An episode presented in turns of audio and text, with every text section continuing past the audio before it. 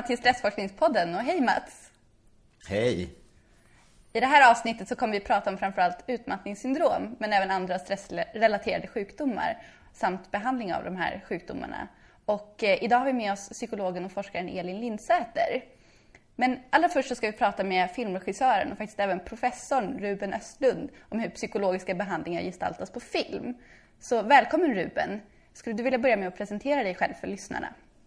Ja, hej. Uh, tack för att jag får vara med. Uh, jag heter Ruben Östlund och jag är filmregissör och har ett produktionsbolag i Göteborg som heter Plattformproduktion. Uh, och jobbar även som professor på Akademi Valand Film på universitetet i Göteborg. Så kul att du vill vara här. Tack, tack.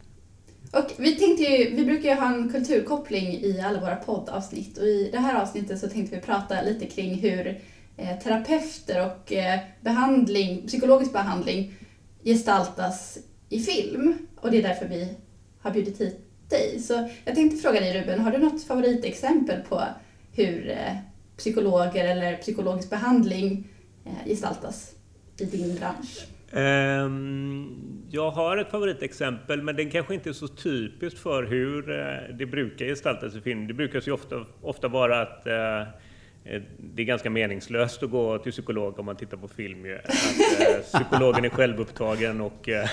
lyssnar inte riktigt på vad patienten säger och, och så vidare. och så vidare. Så Eh, Eh, men, men jag ska ta ett exempel som, som jag tyckte var ett intressant exempel som handlade om traumatiserade franska soldater som um, får en behandling efter Afghanistankriget. Eh, och det är en film som jag har sett på Cannes filmfestival för ett par år sedan. Den heter The Stopover. Det som är så intressant med det exemplet då tycker jag är, är det är de här unga soldaterna som har varit i Afghanistan. Och Eh, på vägen hem så har man erbjudit dem en behandling för att de ska bearbeta sina traumatiska upplevelser från kriget. Och då flygs de till en turistö, jag tror att det är Cypern och liknande. De tar in på ett femstjärnigt hotell. Och eh, på det här hotellet så samlas de i ett konferensrum. Och i det här konferensrummet så sitter alla de här soldaterna tillsammans med en samtalsledare eller en terapeut. Eh, och Eh, då får de soldaterna berätta om, om, specifika minnen som de har haft från, från strider och, och händelser som har skett under kriget. Då. Och då har de eh, eh VR-glasögon. Eh, så de tar på sig VR-glasögon och så eh, får de beskriva situationen. Till exempel, okej, okay, det var en jeep. Då, då målas det upp en jeep i de här VR-glasögonen. Vi har fyra stycken eh, franska soldater. Då ställer man ut de här soldaterna precis så som det minnet är från eh, den soldaten som berättar. Och så får han via sin beskrivning försöka återskapa den här händelsen eh, visuellt. Då. Och eh, det som jag tyckte var intressant med den här filmen, det var att eh, man fick eh, en, en upplevelse av just hur viktigt det är när man har varit med om en trauma att eh, eh, skapa sig ett minne som man kan relatera till och förhålla sig till. Och det var kanske inte heller så viktigt eh, att det var precis så här det gick till. Men, men det var att man hade en stark iscensättning som, som man kunde förhålla sig till och därmed lägga, lägga det bakom sig. Mm. Och jag har varit intresserad liksom hur, hur starka visuella eh, intryck har format vår världsbild och hur, eh, hur det också bygger vår, vår syn på tillvaron. Och, men det som var ganska fint när man såg den här stopover, det var också att jag fick ett sorts motiv varför det yrket jag håller på med är viktigt. Um, och att um, den, här, den, här, den, den, kreativa processen och att vilja skapa och att vilja beskriva sin tillvaro och att återskapa sin tillvaro är ju också ett sätt att hantera eh, minnen eller upplevelser som är smärtsamma på något sätt. Och när man väl har fått ner dem på papper eller när man har liksom iscensatt dem i en film och så vidare så blir det också eh, ett sätt att gå vidare eh, och också lägga, lägga de här traumatiska upplevelserna, traumatiska i vissa fall då, bakom sig. Och, för man har fått ett konkret, konkret exempel att hålla sig till. Då. Mm. Man, man, vet ju att man också skriver om ett minne just då. När man, när man återaktiverar det så, så är det som att man tar fram minnet och så befinner det sig i ett lite instabilt tillstånd. Och då kan man ändra på ett minne om man liksom lockar fram det. Eh, eh, för sin, i sin inre föreställning. Eh, och det används också terapeutiskt på riktigt så att säga. Så att man har då det är en exponeringsteknik och som har bra vetenskapligt stöd. Att man just tar fram det här minnet. Men man måste göra det under kontrollerade former. Inte under det som brukar kallas för debriefing. Att, och många tror att man måste prata om ett trauma efteråt. Utan det här ska liksom göras på ett kontrollerat sätt. Och då har man en chans att, att skriva om minnen, skriva över kanske vi kan kalla det för. Och det finns också experiment där man faktiskt låter personerna skriva över det med helt, något helt annat. Man tar fram minnet i det instabila tillståndet. Sen får personerna spela Tetris eller någonting för att liksom försöka radera ut eller skriva över det med något annat. Mm -hmm. Men det är intressant där också, ändå, som du beskriver i den filmen, att eh, det är ändå en ganska konkret behandling. Det är så att de ska göra en specifik uppgift och då till skillnad från det här som du nämnde innan som ofta eh, figurerar att det är ganska onödigt att gå till en, en psykolog eh, för att man kanske ligger på en divan och eh, berättar om allt som har hänt sedan man föddes eller något i den stilen. Ja, precis. Ehm, ja, man, man upprätthåller eh, terapeutens verksamhet helt enkelt. Liksom. Eller hur? ja, ibland kanske det nog har varit så lite grann, för det är väldigt konstiga behandlingar som har figurerat genom historien. Och nu för tiden så tycker jag att psykologisk behandling är ofta mycket mer aktiv. Att man ska göra hemuppgifter, träna sig på saker eller vad det nu är för någonting. Någon sömnbehandling eller depression eller vad det är, aktivering, hemläxor och sånt där. Medan det är på film så är det nästan alltid det här idén om det goda samtalet som då mm. som illustreras fast det kanske inte alltid är ett så, särskilt gott mm. samtal. Jag har ett väldigt roligt exempel, förlåt, eh, som Roy Andersson gjort som jag verkligen vill tipsa om och det kan man nog kolla upp på Youtube som också är väl en sorts nidbild av en psykiatriker. Eh, och jag ska försöka återge dialogen. Eh, den är, han kommer in på sin på sin mottagning och det sitter en massa människor, deprimerade människor och väntar på att få komma in till hans rum. Eh, och han går in till sitt eh, patientmottagningsrummet då och han tittar igenom de här filerna, det var massor med filer av olika människor som ska komma under dagen och han, han tar sig för pannan liksom, det här kommer bli jobbigt. Och så vänder han sig mot kameran och så säger han eh, Jag har varit psykiatriker i 30 år. Eh, människor kommer till mig för att de är olyckliga, eh, för att de vill bli lyckliga. Eh, men egentligen är de ganska självupptagna, jag skulle vilja säga elaka. Det går inte att göra en elak människa lycklig och därför skriver jag ut piller istället, så starka som möjligt. Men titta på den, den är väldigt rolig. Den, är, den, den attackerar patienten lite grann. det, finns, det, det finns något komiskt i den och roligt. Alltså, jag kan rekommendera det. Mm. Har du gestaltat någon psykolog eller terapeut eller terapi i någon av dina filmer? Nej, det har jag faktiskt inte. inte men eh, jag har skrivit ett manus som kretsar lite kring min skilsmässa där jag gick i parterapi med min exfru. Uh, och där var det... Det var inte heller någon en, en positiv bild tyvärr. Nej. Jag måste berätta, jag hittade en undersökning som, som gjordes, det var en del år sedan men i alla fall, och då hade man tittat på hur just eh, terapeuter, psykologer gestaltades i film. Eh, och då så såg man då, vilket var ganska typiskt, att, att eh, kvinnliga terapeuter sexualiserades då i mycket högre grad, signifikant då högre grad. Och det var också väldigt vanligt då, åtminstone i gamla amerikanska filmer, att terapeuten, kvinnliga terapeuten blev ju kär förstås då i den manliga patienten. Men å andra sidan var de manliga eh, terapeuterna och ofta gestaltade som mer inkompetenta och lite småkorkade. ja. Apropå att man ofta visar ett samtal eller man ska ligga på en divan eller någonting så har det ju funnits extrema exempel på hur mycket tilltro man har haft till vila. Och då, mitt favoritexempel är hur man i sanatorier Eh, Eh, har då haft som behandling långvariga liggkurer där man flera timmar om dagen ska ligga, visserligen i frisk alpluft, eh, på eh, balkongen under sådana här duntäcken, men kanske en drink eller någonting också. Så ska man ligga och fokusera på sin egen sjukdom och prata om det. Gärna på, sägs det då, på, på middagen sen efteråt. Och kompletterat med det är psykoanalys. Och eh, jag kan tänka mig vad lätt det är att frambringa sjukdom om man ska ligga och fokusera på sin egen sjukdom och sin kropp hela tiden. Det är genialiskt gestaltat i Thomas Manns Bergtagen. Ja, men när, jag, när, när, du berättar om de här miljöerna och, och sådär så tror jag en, en, en vän till mig som heter Erik M Nilsson som är dokumentärfilmare, han brukade säga det att om du befinner dig i kärleksproblem och du, du, kan inte göra dig fri från de här tankarna, då ska man inte segla men man ska åka skidor. Eh, då ska man åka utförsåkning och man ska befinna sig i den här bergsmiljön men man, men man ska utsätta sig för en viss typ av fysisk fara och eh, eh, på något sätt rensa tankarna.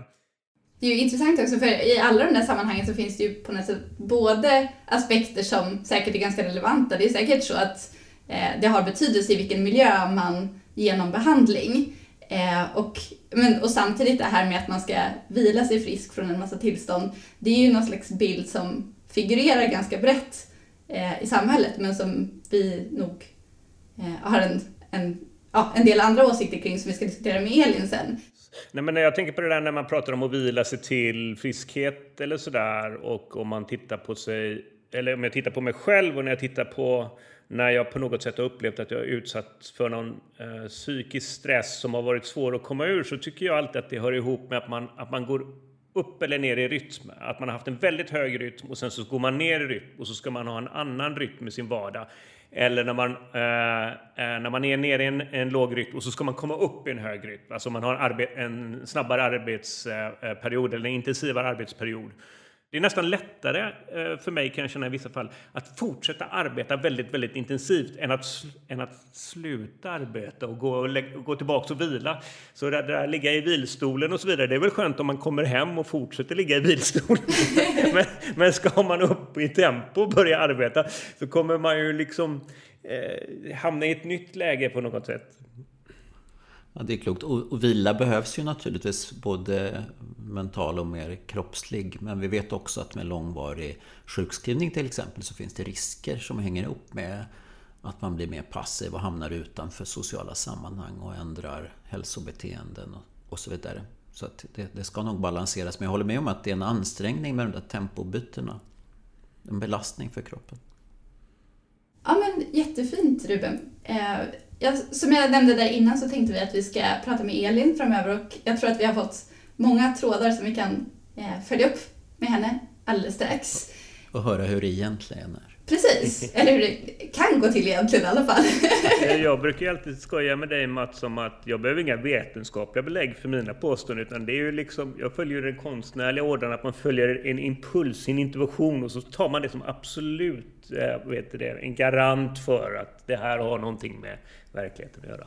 Men så kan, det ju, så kan det ju faktiskt vara ibland. Ja, eh, hur som helst, vi tänkte tacka dig Ruben för att du vill vara med och prata med oss och eh, gå vidare till nästa del av avsnittet. Tack så mycket. Tack, Tack så mycket. Och nu ska vi som sagt alldeles strax prata med Elin som också sitter med oss här idag. Hej Elin! Hej hej! Och du är ju psykolog och forskare på Karolinska Institutet och din avhandling handlade om behandling av stressrelaterade sjukdomar. Är det en rimlig presentation av dig? För det här ändamålet så är det ju perfekt. Gud vad bra. Man kan lägga till att jag jobbar i primärvården med eh, stressrelaterade sjukdomar och har gjort det i väldigt många år också. Just det, så du har ju verkligen både den kliniska erfarenheten men också forskningssidan. Eh, och det är jättekul att du vill vara med i podden. Eh, och alldeles strax så ska vi ställa jättemycket frågor till dig. Men allra först så ska vi lyssna på en intervju som du Mats gjorde med en person som själv har varit drabbad av utmattningssyndrom. Men då säger jag hej och välkommen till Margot Hinsdal. Hej, tack så mycket! Trevligt att vara här. Trevligt att ha dig med och eh, jag eh, är tacksam för att jag får prata lite grann med dig och, så att vi kan höra lite grann om eh, en erfarenhet, din erfarenhet av att lida av utmattningssyndrom. Och Eh, jag undrar helt enkelt om du skulle kunna berätta lite grann om hur du mådde när du blev dålig, när du blev sjuk? Ja, ehm, absolut. Det finns ju så många olika stadier i den här eh, hemska och lömska diagnosen. Eh, och man hör ju oftast om den här klassiska beskrivningen att en morgon kommer jag inte upp ur sängen längre. Men det var inte så för mig, utan eh, jag gick till läkaren för att jag hade en hel lapp. Jag hade ju skrivit upp på en lapp alla mina symptom som jag tyckte var konstigt att jag hade. Eh, men jag kunde inte komma ihåg dem. Jag förstod inte varför jag plötsligt inte hade så bra minne. Men jag skrev upp dem på en liten post-it-lapp och gick dit och rabblade upp allting som jag kände. Och hon sa att eh, det var solklart utmattningssyndrom och jag förstod inte alls vad det var för någonting. Men det lät ju som någonting att jag var kanske lite trött, att jag var utmattad och att det borde man ju i sådana fall kunna ja, komma tillbaka till väldigt, från väldigt snabbt. Alternativt så tyckte jag att hon kunde väl skriva ut något litet piller så att jag kunde bli pigg snabbt igen. För ja. det måste ju finnas. Så då blev jag irriterad att det inte fanns något litet piller hon kunde skriva ut till mig, utan hon sa att jag skulle gå hem och vila mig och komma tillbaka efter två veckor. Um, och ja, jag visste väl inte ens hur man gjorde när man vilade. Min första hemläxa det var att jag skulle sitta ute på trappen och dricka en kopp kaffe i lugn och ro. Och det kunde jag inte heller göra utan att ha tusen andra saker jag skulle göra samtidigt. Så att eh, nej, jag förnekade det här och det här var ju någonting skamligt som inte drabbar mig. Det drabbar bara veka, svaga personer. Och jag var ju en, eh, ja men jag såg ju nog mig själv lite grann som en superwoman som klarade precis vad som helst. För det hade jag ju märkt att jag gjorde. Jag kunde ju klara av allt jag tog mig för och lite mer därtill. Så att ehm, jag gasade väl på ännu mer efter jag fick den här diagnosen.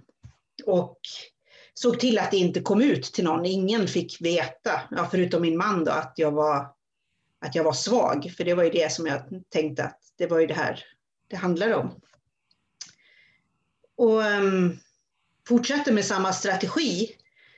Känner jag mig trött, vilket jag ju gjorde hela tiden, eh, så berodde väl det på att jag hade för dålig mental styrka. Då kunde jag ju pusha mig själv mer att bit ihop, kom igen, är du trött har du alltid 50 procent kvar att ge. Eh, dubbel, trippel espresso, två Alvedon, en Ipren, nu kör vi. Och så, ja. Eh, ja, det gick väl några månader till tills det inte alls gick överhuvudtaget. Och vad hände då? Ja, då sa ju min kropp såg ju till då att jag att jag inte hade något val längre. Ehm, jag drog på mig en eländig eh, luftvägskatarr, något eh, lunginflammationsliknande som, som gjorde att jag var tvungen att ligga ner. Och där blev jag liggandes som den här kanske lilla grönsaken som man ofta läser om. Ja, så då gick det inte längre. Då kunde du inte trycka på gaspedalen längre och du fick helt enkelt ge upp för kroppens, hjärnans behov av att vila.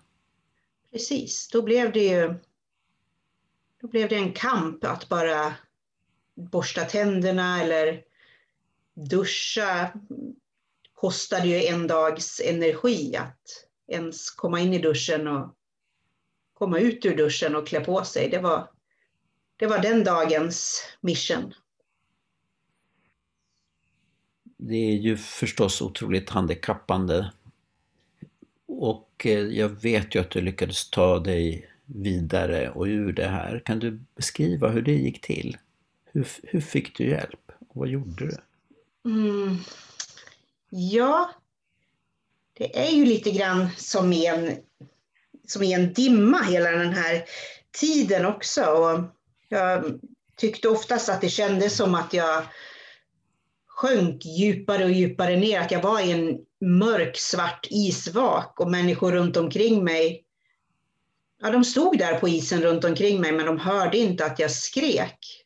Ehm, så att det blev också ganska ensamt samtidigt. Och frustrerande för någon som var van att klara sig helt själv. Så att en, en stor del i det hela var ju att först och främst inse att jag behöver hjälp och ta emot hjälp. Mm. jag såg att de behövde människor till en KBT-studie just angående utmattningssyndrom och den kunde utföras online. Och det var det där med online som jag tyckte var lockande för då behövde jag inte lägga massa energi på att duscha och sminka mig och resa iväg och hålla upp en bra fasad. Utan då kunde jag sitta där hemma med stripigt hår i min pyjamas och ändå gå igenom en behandling. Eh, jag kom med i den här behandlingen och eh, behandlingsstudien och tyckte att ja, det var tufft såklart. Allting var tufft. Och det var tufft att bara sitta vid en dator såklart. Men att det ändå kunde ge mig verktyg och jag kunde börja se på mitt liv, vad det var jag egentligen ville bygga upp för ny version av mig själv. Jag skulle ju inte tillbaka till den gamla Margot, utan nu skulle jag bygga upp den nya, hållbara varianten av mig själv. Och vad, vad var det egentligen jag, jag tyckte var viktigt och vad var värt att prioritera? Så då tränade du framför datorn, eller, eller rättare sagt du eh, lärde dig framför datorn hur du skulle träna i ditt liv och vad du skulle göra. Du skulle planera återhämtning och aktiviteter på ett lämpligt sätt. Och Det finns också ett moment i behandlingen som jag vet kan vara lite svår att förstå vad det innebär och det handlar om undvikande beteenden eh, och om det som kallas för exponering. Och jag mm. undrar om du skulle kunna förklara vad det innebär, eller vad det innebar i ditt fall? Ja, eh, efter en tid när, när jag har vilat och jag har försökt att sovit och månaderna går och så vidare så är det ju de här strategierna som jag då hade haft att säga nej och inte gå på trevliga tillställningar som jag blev bjuden till eller svara i telefon när vänner ringde eller ens orka svara på sms när nära kompisar hörde av sig. Eh, sådana, ja men att jag undvek saker som jag egentligen vet att jag mår bra av. Eh, det behövde jag ju göra i början för då var det bara liv eller död som, som gällde. Men sen efter ett tag så var det ju dags att börja testa sig fram. Men att då våga utsätta mig för sånt som jag tänker att det där är för jobbigt eller det orkar jag inte göra. Alltså att exponera mig för, för sånt som kan framkalla ännu mer trötthet. Um, till exempel, jag kommer ihåg att jag drömde om att gå ut och leka med våra barn i snön. Vi hade två små barn vid den tiden. Och bara det var en stor tröskel. Att jag visste ju att det skulle kosta mycket energi. Men det var en sån eh, konkret övning som jag kommer ihåg att vi hade i den här studien. Att jag satte upp som mål att jag skulle gå ut och leka i snön med mina barn. Eh, fast kroppen sa att nej, det där orkar du nog inte. Det är nog bättre att du stannar inne i soffan eller eh, tänk på att du kommer att bli trött efteråt och så vidare. Men att ändå göra det och gå emot sina impulser. Så det låter lite som att du fick ett nytt förhållningssätt till din eh, kropp och eh, vad den sa till dig. Alltså vilka signaler skulle du lyssna på och ta på allvar och när var det läge att gå emot signalen om att till exempel låta bli att göra någonting som skulle kunna kosta mycket energi därför att någonting var viktigt. Det låter som ett, ett omfattande, nästan träningsprogram. Ja, det stämmer. Det var på många sätt oerhört krävande och man måste verkligen ransaka sig själv och göra prioriteringar och bedömningar hela tiden som att man mm. balanserar på en liten skör tråd men ändå våga för att man vet att det gynnar en i längden. Kan du göra de där sakerna idag? Eh, vara ute och leka med våra barn. Så, ja, sådana saker som du vill göra? Ja, och eh, absolut. Jag har ju kommit väldigt, väldigt långt. Och, men det är ändå, jag tror att det är en livslång lärdom också. Jag tror inte att jag som kan sätta mig ner och säga så där, nu var jag helt klar, utan Nej. det här är ju något som är spännande att fortsätta att, att utvärdera sig själv och se också vad är det som egentligen är viktigt att lägga sin energi på. Och, och inte heller vara för rädd att vissa saker kostar mer energi. Och jag har ju också strategier för en effektiv och eh, hälsosam återhämtning nu som jag inte hade tidigare. Att det handlar inte längre om dubbel espresso och två Alvedon. Nej. Nej, det kanske är bra att ha ett komplement till en sån strategi. Men du Margot, jag är jättetacksam över att jag fick prata med dig eh, och tackar dig så mycket för att du delar med dig av din berättelse. Tack så mycket för att jag fick eh, delta. Tack. Tack. Vi är tacksamma att, att Margot ville vara med och berätta om sina erfarenheter. Och eh, vad säger du, Elin? Vad säger du om den beskrivning som, som Margot ger av hur det är att vara drabbad av utmattningssyndrom? Jag tror att Margots beskrivning är en som är ganska lätt att känna igen sig Jag tror att det är en ganska, ett ganska vanligt förlopp, i alla fall hos de som jag träffar i primärvården, att, att det inte behöver vara någonting som är så dramatiskt som man ibland hör um, berättelser om, utan att det kommer lite smygande, att man kämpar emot väldigt länge. Klassiskt exempel här med trippel espresso, två Alvedon och en Ipren. Det är nästan så att, så att till och med personer som inte sen får den här diagnosen kan känna igen sig i den här kampen i vardagen. Ligger någonting i det? Men att det liksom eh, att det sen krävs liksom snarare andra som, som ser att man är förändrad och man märker successivt att man fungerar allt sämre och det blir ohållbart. Eh, så den resan tycker jag är väldigt, eh, ligger nära det som jag brukar höra när jag träffar de här patienterna i vården. Just det där är ju ganska likt hur man ser generellt sett på psykiatriska tillstånd. Det, det är ju, aspekter av dem finns ju på något sätt hos alla. Men det är först när det blir ett lidande antingen för mm en själv eller för någon annan runt omkring som det blir patologiskt. Precis. Eh, jag tänkte att eftersom eh, man hör ju ofta om, om väldigt olika begrepp.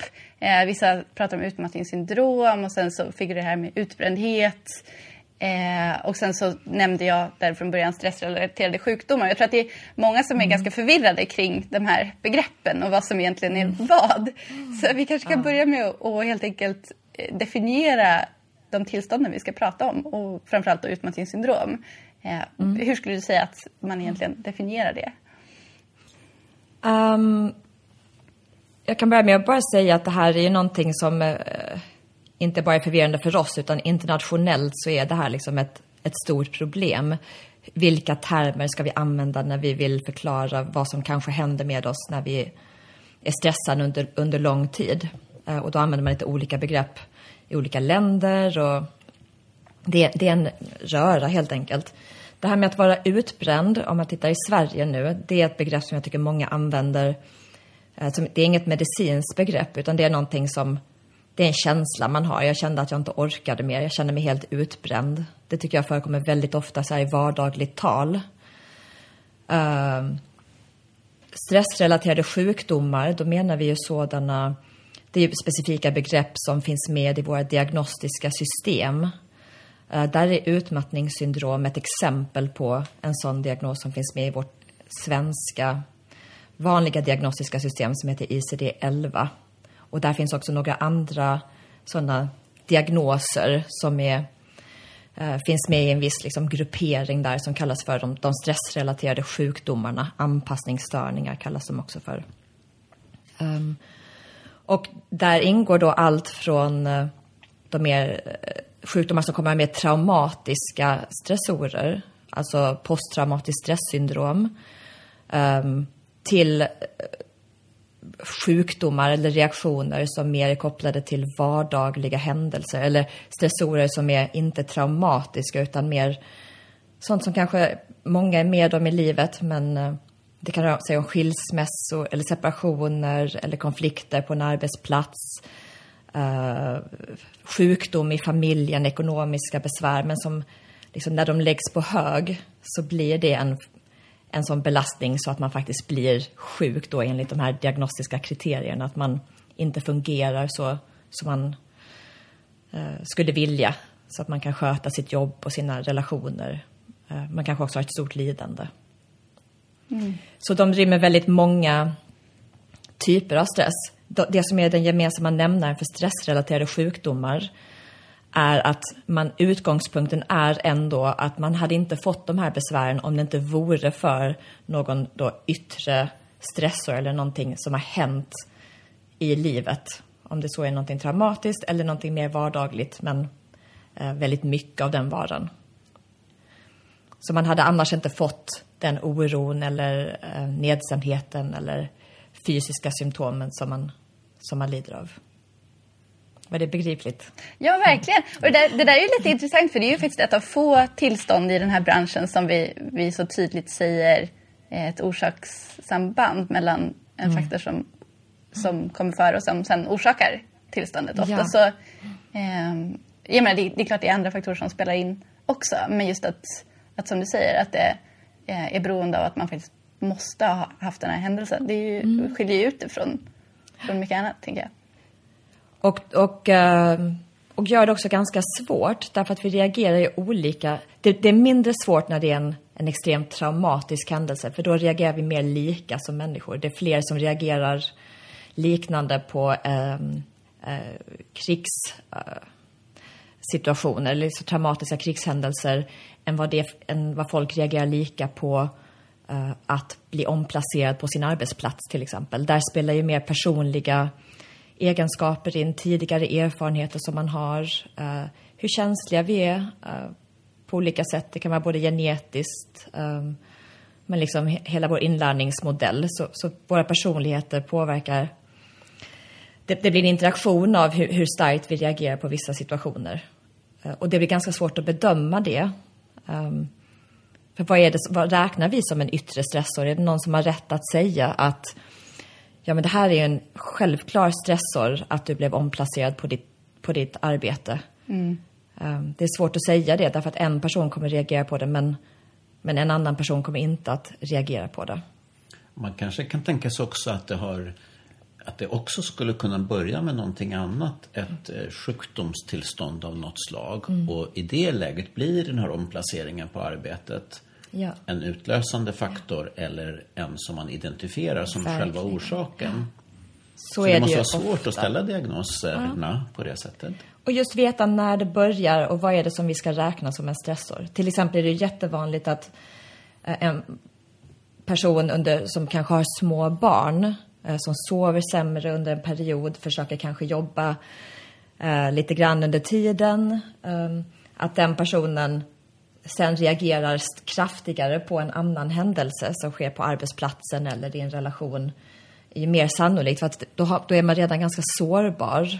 Det, det, finns redan stressorer i vardagen som, som påverkar en. Så det, ja, det kan vara ganska svårt att veta vad som är vad. Samtidigt som det verkar uppenbart att någonting verkligen är fel, om man får uttrycka mm. det så. Jag tänker på Margots berättelse om när hon inte orkade leka med sina barn. Och eh, vi hör ja. ju både från utmattningssyndromsområdet eh, och även vissa andra sjukdomstillstånd där tröttheten mm. är så stark så att ens ganska normala vardagliga ja. aktiviteter antingen inte går att utföra eller också att de kräver flera timmars vila mm. efteråt. Ja. Det hårt drabbande tillstånd på det sättet. Oerhört uh, hårt. Och då kommer vi in på det som vi då kallar för utmattningssyndrom mm, som karaktäriseras just, av den här ihållande tröttheten, både psykisk och fysisk. Mm. Um, som, man liksom, som inte riktigt går över även fast man skulle vila. Finns det inte, får jag bara fråga om det, ser man inte det i symptombilden efter en traumatisk stressor finns den här, de har ju ofta sömnproblem och problem mm. på det sättet, men oförmågan att få fram energi. Är det inte en bild som finns med i, vid traumatisk stress, efter traumatisk stress? Um, jag måste säga att jag kan inte eh, uttala mig tvärsäkert om det. Jag skulle tro att det är svårt att generalisera för det finns så många olika typer av traumatisk stress. Men nej, inte per automatik att det är så att man har varit med om ett eh, svårt trauma, att det leder till den här typen av utmattningssymptom. Den kopplingen tror jag inte finns. Sen kan det ju leda till en massa beteenden om man, man är väldigt eh, aktiv i att försöka undvika traumatiska minnen eller platser. Att det kan leda till beteenden som, som blir stressande som gör att man sen också Såklart, ja. utvecklar den här mm. mer ihållande och symptom på utmattning. Du, du mm. nämnde det här också att, eh, att utmattningssyndrom finns med i den svenska eh, man, eller i den svenska manualen av, av eh, tillstånd. Men, mm. eh, och det är också någonting som, som man hör ganska ofta att, att utmattningssyndrom bara finns i Sverige. Eh, mm. Har du lust att säga någonting om, om det här? Ja, och, och jag kan säga att just den diagnosen eh, som är specificerad med olika så här, specifika kriterier, det, det, finns bara i Sverige. Där vi har plockat in den tillsammans med andra stresssjukdomar som PTSD till exempel. Men om själva tillståndet alltså den här, den här bilden med, med ihållande utmattning och kognitiva problem. Um, det, den bild, de symptomen, eh, de drabbade finns inte bara i Sverige utan de finns nog i väldigt många, i alla fall västerländska länder. Um, där man kallar det för olika saker. Man kan, mm. I en del länder så kallas det för anpassningsstörning och burnout är ju jättevanligt och då är det specifikt kopplat till stress på arbetsplatsen som man ser som orsaksfaktor. Så reaktionsmönstren är nog inte unika för Sverige, men det, det, är speciellt att vi har valt att plocka in det som ett faktiskt sjukdomstillstånd. På det sättet som vi har. Just det. Eh, jag, jag, tänkte eh, att vi kunde gå vidare då med att prata lite mer. Eh, vi lyssnade ju i början av avsnittet på den här intervjun, eller när vi satt och pratade med, med Ruben. Och eh, den här behandlingen som han beskrev från, från filmen Stopover, där, eh, den handlade ju i första hand om att förebygga just utveckling av posttraumatisk stress eh, efter ett trauma. Och vi ska prata extra mycket om den behandlingen i ett senare avsnitt. Men eh, vi pratade ju också med Ruben om att det finns någon slags bild i samhället och att det också ibland gestaltas på film. Då, att, att det enda som hjälper när man är utmattad är att man ska vila och att man på något sätt, ja, om man ska hårdra det, ska vila sig frisk från det. Eh, men på något sätt så eh, när, när, när, du behandlar de här patienterna så är det inte riktigt så det går till om jag har förstått det rätt. Eh, vill du ja, prata lite om, om, hur behandlingen går till och eh, vad du tänker om det här med, med om man kan vila sig fri från utmattningssyndrom? Mm. Um, men jag tror att så resonerade man eh, lite tidigare när den här diagnosen var ganska ny så såg man att eh, eftersom att det, den orsakas av så hög stress så är vila eh, vägen att gå för att bli frisk så att säga. Men då har man ändå sett nu att eh, det verkar som att det är viktigt att eh, dels specificera vad som är vilsamt för varje enskild individ men också att variera det med att eh, komma i kontakt med stress och att lära sig att hantera stress på nya sätt.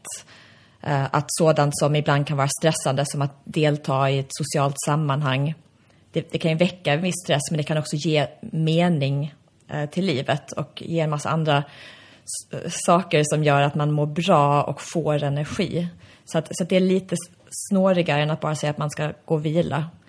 Och att vila är också en svår uppgift för en person som är väldigt uppvarvad och um, ja, betyder att ligga på soffan? Eller hur ska, mm. man, hur ska man göra det rent konkret? Så våra behandlingar och så som det ser ut för till största del i Sverige nu tror jag är ganska fokuserade på att hitta en balans mellan att vad är vilsamt eh, för varje enskild person och det kan vara både fysisk aktivitet som hjälper en att komma ner i varv och ja, spela tv-spel eller eh, vad det nu må vara och att man varvar det sen med att faktiskt göra sånt som kanske initialt väcker lite stress eller kräver lite energi men som, som är sånt som är viktigt för att man ska må bra på sikt. Egentligen är det ett svårt råd, föreställer mig, att ta till sig också om att vila. Även om det är uppenbart att man behöver vila mm. och kanske måste vara sjukskriven så eh, har man ju ofta problem med sömnen. Eller mm. ett av problemen är att man inte har återhämtande sömn. Mm. Det vill säga man är trött ja. även när man har sovit mycket. Så det är inte liksom en fysiologisk eller hälsosam sömn på det sättet.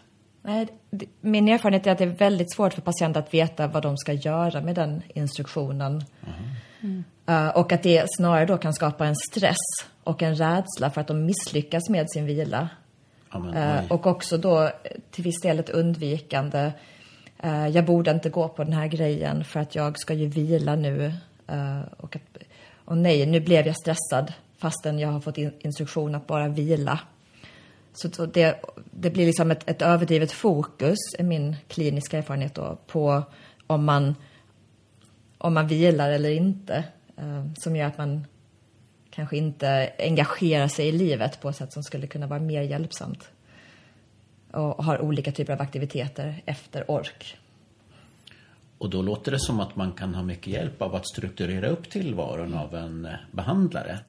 Och det är i mångt och mycket det som är fokus för en behandling, i alla fall som bygger på kognitiv beteendeterapi. Mm. Och det är den formen av behandling som jag jobbar mer kliniskt och har forskat på. Det, den mesta forskningen har utvärderat just den typen av mm. behandling som handlar om hur, ja, hur kan jag bete mig på ett sätt och tänka kring mitt liv och kring uh, mina egna tankar också, uh, som hjälper mig att uh, må bra på sikt.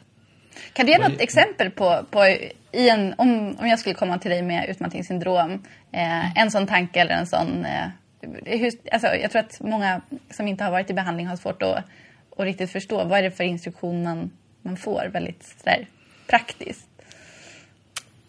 Um, alltså vi vill nog gärna att uh, du som patient, du ska själv få komma på många av de här sakerna. Så att jag som behandlare skulle inte berätta för dig Uh, för att bli frisk från utmattningssyndrom så är det viktigt att du, du behöver gå promenad varje dag och sen så behöver du tänka att du inte ska vara perfekt hela tiden. Så det får du, utan du skulle själv genom dina egen, du skulle behöva observera dig själv ganska mycket och kartlägga initialt och lägga märke till med min hjälp då att det verkar som att i allting som du gör så driver du dig själv lite eh, längre eller du ställer en viss typ av krav på dig själv. Du tolkar omgivningen på ett visst sätt som är självkritiskt, till exempel. Vi kanske märker det. Eh, då blir ju övningar för dig sen att eh, eh, uppmärksamma när det händer och försöka agera på ett annat sätt. Det skulle kunna vara att ehm, medvetet göra ett litet misstag. Det, det, här är en exponering igen som vi pratar om, som Ruben var inne på med PTSD-behandling. Att man man liksom går emot det som är obehagligt. Man tittar på det som skrämmer. Eh, så att du, man vill väcka den typen av känslor för att kunna lära sig ett nytt sätt att förhålla sig till dem. Så konkret skulle du kunna um, vilja göra en övning som handlar om att um, bjuda hem personer till ditt hem kanske, där det, när det egentligen är ganska stökigt och du har inte förberett någonting. Uh, och det skulle kunna väcka en hög stress hos dig och tankar om att du behöver be om ursäkt och förklara och de kommer tycka att, att du är en slarver. Men det i sig blir en övning i att kunna ha ett lite större rörelseutrymme eh, framåt i tiden. Att, att göra annorlunda helt enkelt. Just det, och för alla som känner mig så vet de, eller ni, att det alltid är stökigt och att jag inte har några problem med det. Men det är bra, då, då är inte du i riskzon kanske nödvändigtvis. Det var imponerande, Sandra. Mm. Och det här är bara ett exempel. Det är sen är det många som har helt andra problem och det är viktigt att, att, att man hittar de specifika beteendena som är relevanta för varje person. En del är bara rädda för att känna av stress överhuvudtaget. Man kan behöva träna på att vistas eh, på ett eh, shoppingcenter. Eh, till exempel. När man är rädd för att det kommer göra att man eh, kollapsar eller så. Just då, det här som eh, Ruben beskrev med, med VR-behandling, eh, som, alltså mm. virtual reality. Är det någonting som man faktiskt använder inom behandlingen eller skulle kunna, skulle kunna använda? Just i, när det gäller behandling för stress och utmattning så känner inte jag till att man har testat det faktiskt. Däremot så använder man ju det i annan psykologisk behandling, paniksyndrom, eh, specifik fobi eller agorafobi som är liksom att man är rädd för att känna sig instängd eller att vara i liksom miljöer där man inte riktigt kan kontrollera eh, utgång och så. Uh, inte, inte för utmattningssyndrom vet jag inte. Just det, det är kanske, det något, kanske... något framöver för oss då? Just, man har, man har faktiskt använt VR uh, vid lite, när man har tittat på stressbehandling fast lite mer tidigare än i förloppet än ett utmattningssyndrom. Mm. I Italien har man någon modell där man eh, får liksom vara i ett kontorslandskap och det är massor med stressorer och så lär man sig då tekniker för hur man ska hantera den stressen på ett annat sätt med hjälp av VR. Men det är inte riktigt som utmattningssyndrom är min bedömning. Vi har pratat lite grann om behandling och eh, eh, hur det går till och så. Och din avhandling handlade ju just om att utvärdera behandling för utmattningssyndrom. Så du har ju verkligen forskar, forskarperspektivet också. Och även om det är svårt att utvärdera behandlingar för att de kan se väldigt olika ut och så. Så vad finns det egentligen för stöd för olika typer av behandling? Och eh, är det så att vetenskapen har ett färdigt svar eller behövs det mer? Eller hur, hur ser läget ut? Då kan vi återkomma till det här att det är en svensk diagnos. Eh, så när vi pratar om Eh, det vetenskapliga stödet för just utmattningssyndrom eh, så får vi bara förlita oss på den forskningen som har gjorts i Sverige och sedan diagnosen kom. Alltså 2003 när förslag, eller 2005 när det blev en formell diagnos i Sverige. Och det är väldigt begränsat då vad, vi, vad, man har gjort för studier eh, under de åren. Överraskande lite skulle jag säga. Men sen kan vi ta hjälp internationellt om man tittar på andra närliggande begrepp som burnout och eh, andra stress, work-related stress och, och så. Och då är det absolut mest eh, det, det, det, man har forskat mest på är kognitiv beteendeterapi eh, som grund. Man har, har liksom blivit inspirerad av KBT som det kallas för, för olika typer av interventioner. Och eh, i stora liksom, forskningsöversikter så har man sett att det är de behandlingar som bygger på KBT som verkar vara mest hjälpsamt.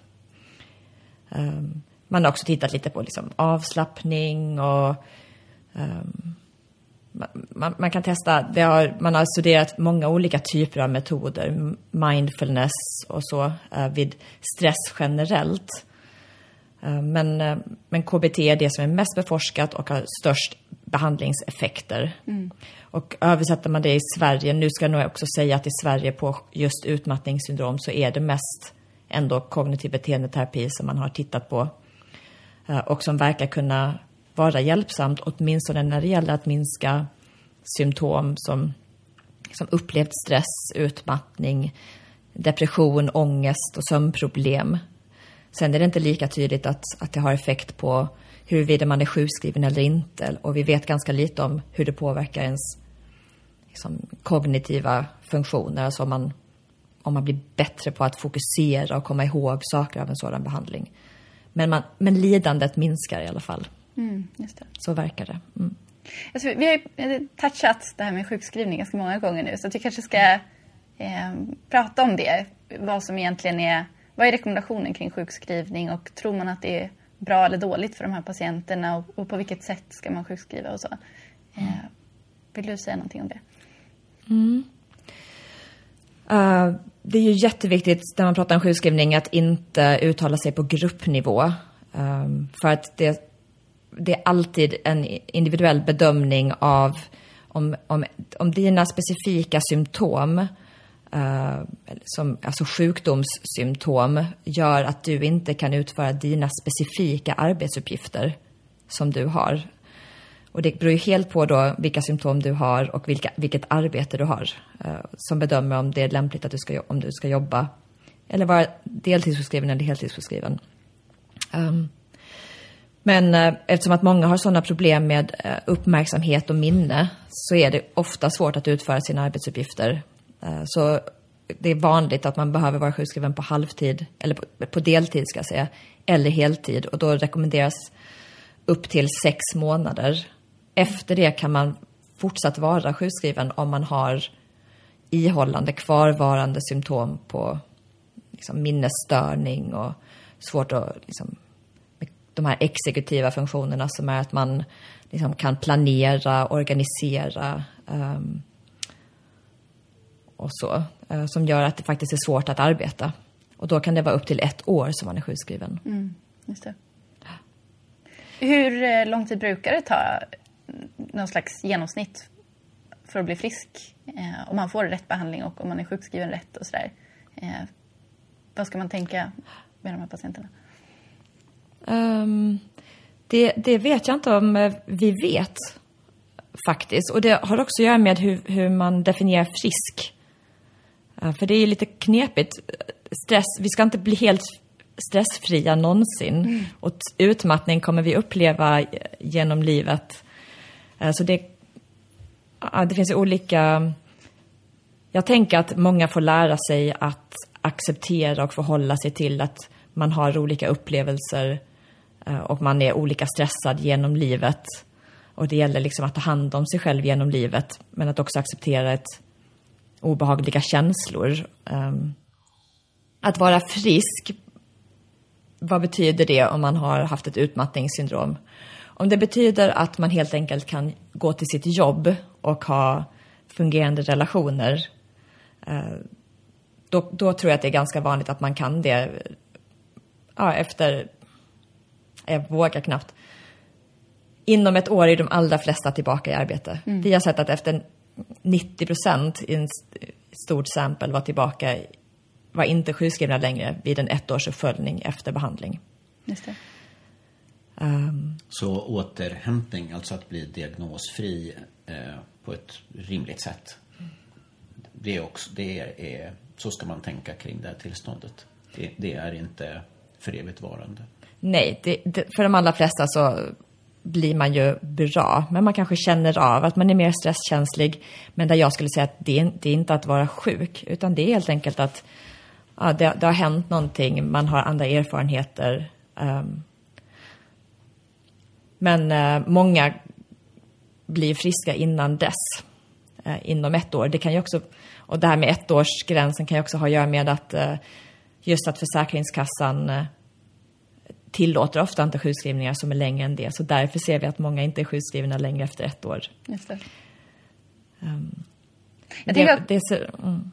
jag, jag tycker också att det du säger, det, Ruben nämnde ju där i, i början av samtalet att terapi i film oftast kan gestaltas som att på något sätt eh, terapin möjliggör för terapeuten att fortsätta sin verksamhet genom att man bokar in de här liksom, sessioner efter session. Men i verkligheten kanske det är lite mer då att terapeuten försöker möjliggöra för, för patienten att, att fortsätta, man, man liksom ger verktyg för att man ska kunna hantera. Så att även om man inte blir helt på samma sätt som man var innan mm.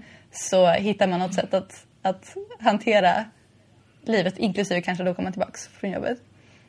Ja, verkligen. Nej, men ja, den behandlingen som vi brukar ge är ju 12 veckor lång. Sen kanske man får följa upp det med, med en del personer lite längre.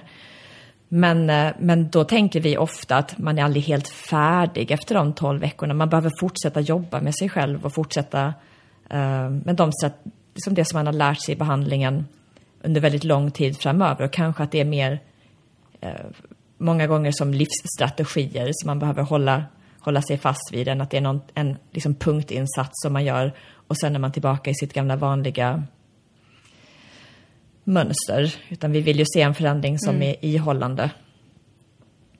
Fysisk aktivitet är ju nästan uteslutande positivt skulle jag säga. Det, med ut, utmattningssyndrom så är det ju också en fysisk utmattning för väldigt många vilket gör att det är svårt att orka med. Liksom, om, om man tidigare var ute och sprang en mil så kan det känns kroppen väldigt tung nu, man kanske inte klarar av det. Uh, men att, att försöka komma igång och röra på sig regelbundet är ju absolut positivt och någonting man uppmuntrar i behandling.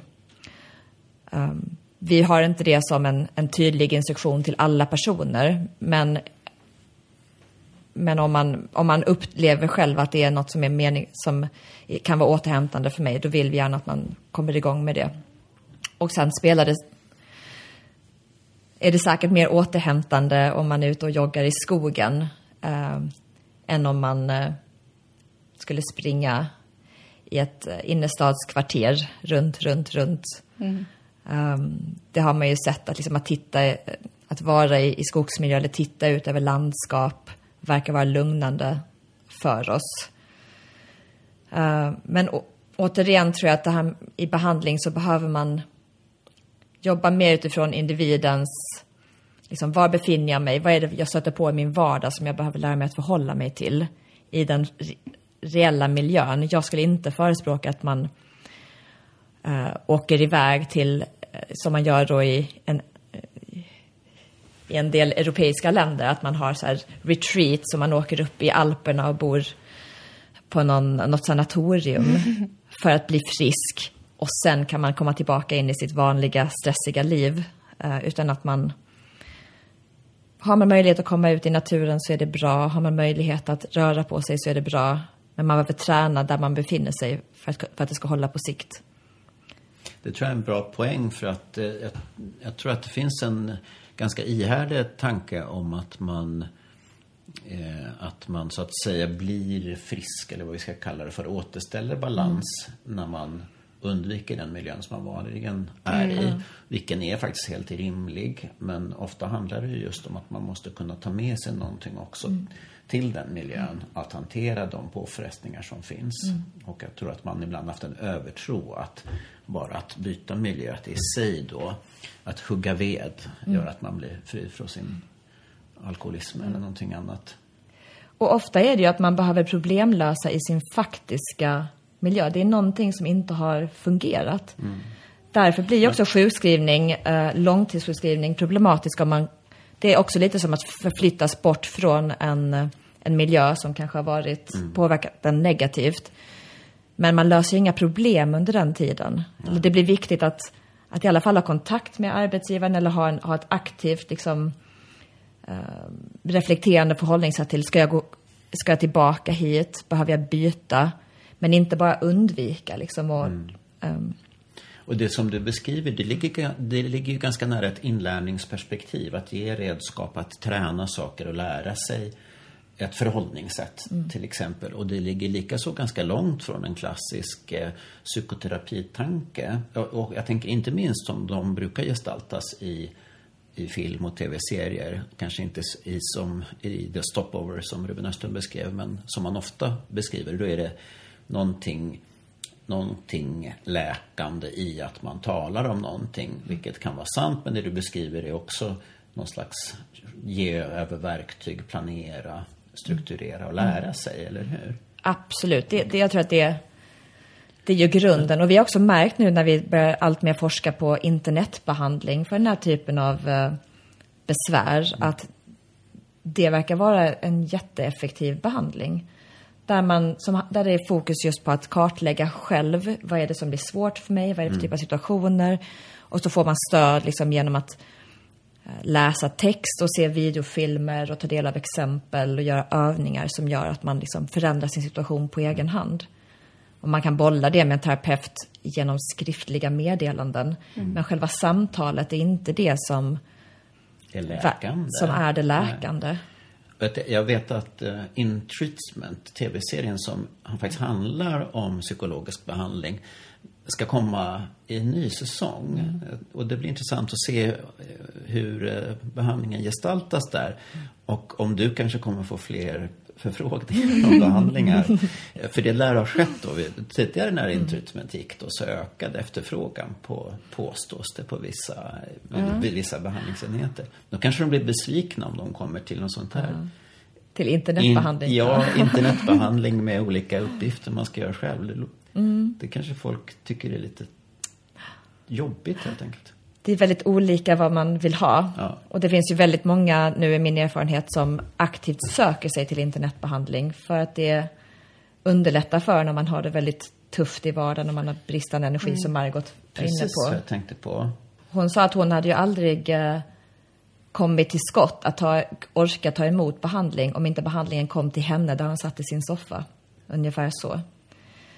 Eh, så så det, det, har ju möjlighet att nå ut till personer som också är väldigt nedsatta och har väldigt eh, svårt att orka liksom, boka en tid. Att då kunna jobba med behandling när man vill, eh, varifrån man vill, kan ju vara en väldig fördel. Så har man den här kontakten med, med behandlaren kontinuerligt.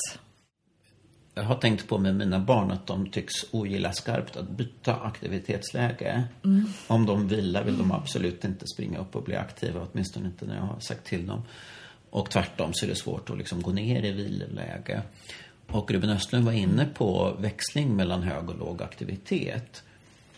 Och jag eh, har ibland funderat över om det här eh, observationen som en del gör, att man blir känslig för smitta, för sjukdom efter en långtidsansträngning. Men först när man ger efter och vilar mm. så eh, kommer till exempel en förkylning. Det här vet jag kan bero på massa andra saker. Mm. Men ibland har jag tänkt att det kanske är en ansträngning för kroppen mm. att byta aktivitetsnivå. Mm. Tror du att det är liksom en belastning i sig att växla aktivitetsnivå? Ja, verkligen. Det är ju som att köra in på ett nytt spår. Alltså vi är ju sådana vanemänniskor. Jag tycker att det är intressant att du ger dina barn som exempel. Jag har tusen exempel från mitt eget liv. Har du det? Nej. Vi kan fråga din dotter som ju faktiskt finns här precis. i lägenheten. Nej, men ex exempelvis eh, om det har, låt oss säga rent hypotetiskt att det har varit en period när jag har jobbat ganska intensivt och kanske suttit lite grann på kvällar och liksom känt att jag har behövt jobba hela tiden. Mm. Eh, då blir ju en kväll när jag tänker nu, nu ska jag bara sitta och titta på en film. Mm. Då blir det jobbigt. Det, kan liksom, det blir en ex, ett extra stressande moment. Mycket mer stressande för mig att försöka koppla av en kväll då jämfört med att bara precis fortsätta så som jag har gjort. Det blir något lugnande i sig i den här rutinen att jag vet att jag jobbar då, jag jobbar då, jag jobbar då, jag jobbar då och sen sätter jag mig på kvällen och jobbar då. Eh, så avbrottet blir eh, en det tar en liten tid för mig att anpassa mig till någonting nytt. Och på samma sätt om, om man har haft en lång semester så kan det bli en jättestressor om man kommer till jobbet första dagen och upptäcker att det är massor med saker man ska göra. Där, där det blir lite stressande bara tanken på att oj, nu måste jag börja planera vad vi ska... Oj, jag måste börja tänka ut när jag ska handla för jag är på jobbet och det blir väldigt stressande. Så anpassningen till en ny situation och eh, de exekutiva funktioner som faktiskt krävs för att, mm. att styra om, planera om, ah. tänka på ett flexibelt sätt för att man ska lösa ah. vardagens krav kanske då utifrån en ny ram. Ah. Det är no något energikrävande med detta kanske då? Men det är det och jag känner, det här är bara rent kliniskt, uh, att jag tycker att det är så centralt uh, när vi jobbar med personer som antingen har generellt en väldigt låg aktivitetsnivå eller hög aktivitetsnivå, är väldigt mm. sysselsatta. Att det, det väcker lite oro, ångest och obehag i kroppen att för de som är högaktiva att liksom komma ner i varv, det är väldigt svårt. Och för de som har ganska låg aktivitetsnivå blir då till exempel att återgå till arbete ett extra stort och svårt ja. moment. Mm. För att det väcker stress i sig som, som då kan signalera till personen att nej, jag kan inte börja jobba för nu känner jag igen att jag blir stressad när jag gör den här förändringen. När det i själva verket är bara en stress som kommer av liksom, skif skiftet mellan eh, låg aktivitet och lite högre aktivitet. Mycket intressant. Och det tror jag är viktigt att eh, det, skulle, det tror jag vi skulle behöva lära oss mer om. Ja. Hur gör du själv eh, kring att hantera de här, både att växla mellan hög och låg aktivitet men också generellt sett för att balansera just eh, aktivitet och återhämtning och, och förebygga att du själv får utmattningssyndrom om man ska vara krass? um, ja, det är en bra fråga. Jag tar nog ut svängarna ganska mycket och um, jag tror att generellt, jag tycker om att att eh, träna. Jag tycker om att komma ut, även om det är korta, korta stunder, att liksom röra på mig fysiskt. Uh, och det tycker jag att jag lyckas med. Liksom, även om jag har en ganska hög stressnivå, så någonting sånt får jag plats med. Um, sen är det här att ha barn, fastän det kan vara stressande, också en superbra um, liksom kontroll för en själv. För, det, för att det blir så att jag måste sluta jobba vissa tider. Och jag har märkt att nattningssituationer till exempel.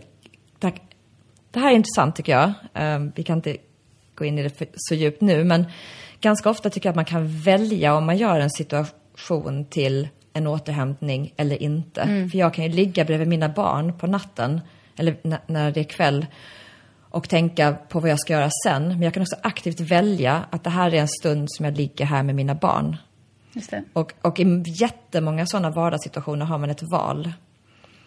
Uh, och, när, och jag väljer ofta att tillåta mig att vara stilla i en sån situation. Och det, det har varit en träningssak, men, men det, nu är det liksom att påtagligt att mina barn då blir ett sätt för mig att få återhämtning när jag umgås med dem, snarare mm. än att det är något som tar tid från någonting annat. Så, eh, så det, det träning um, och att gosa med djur, uh, som jag också gör dagligen.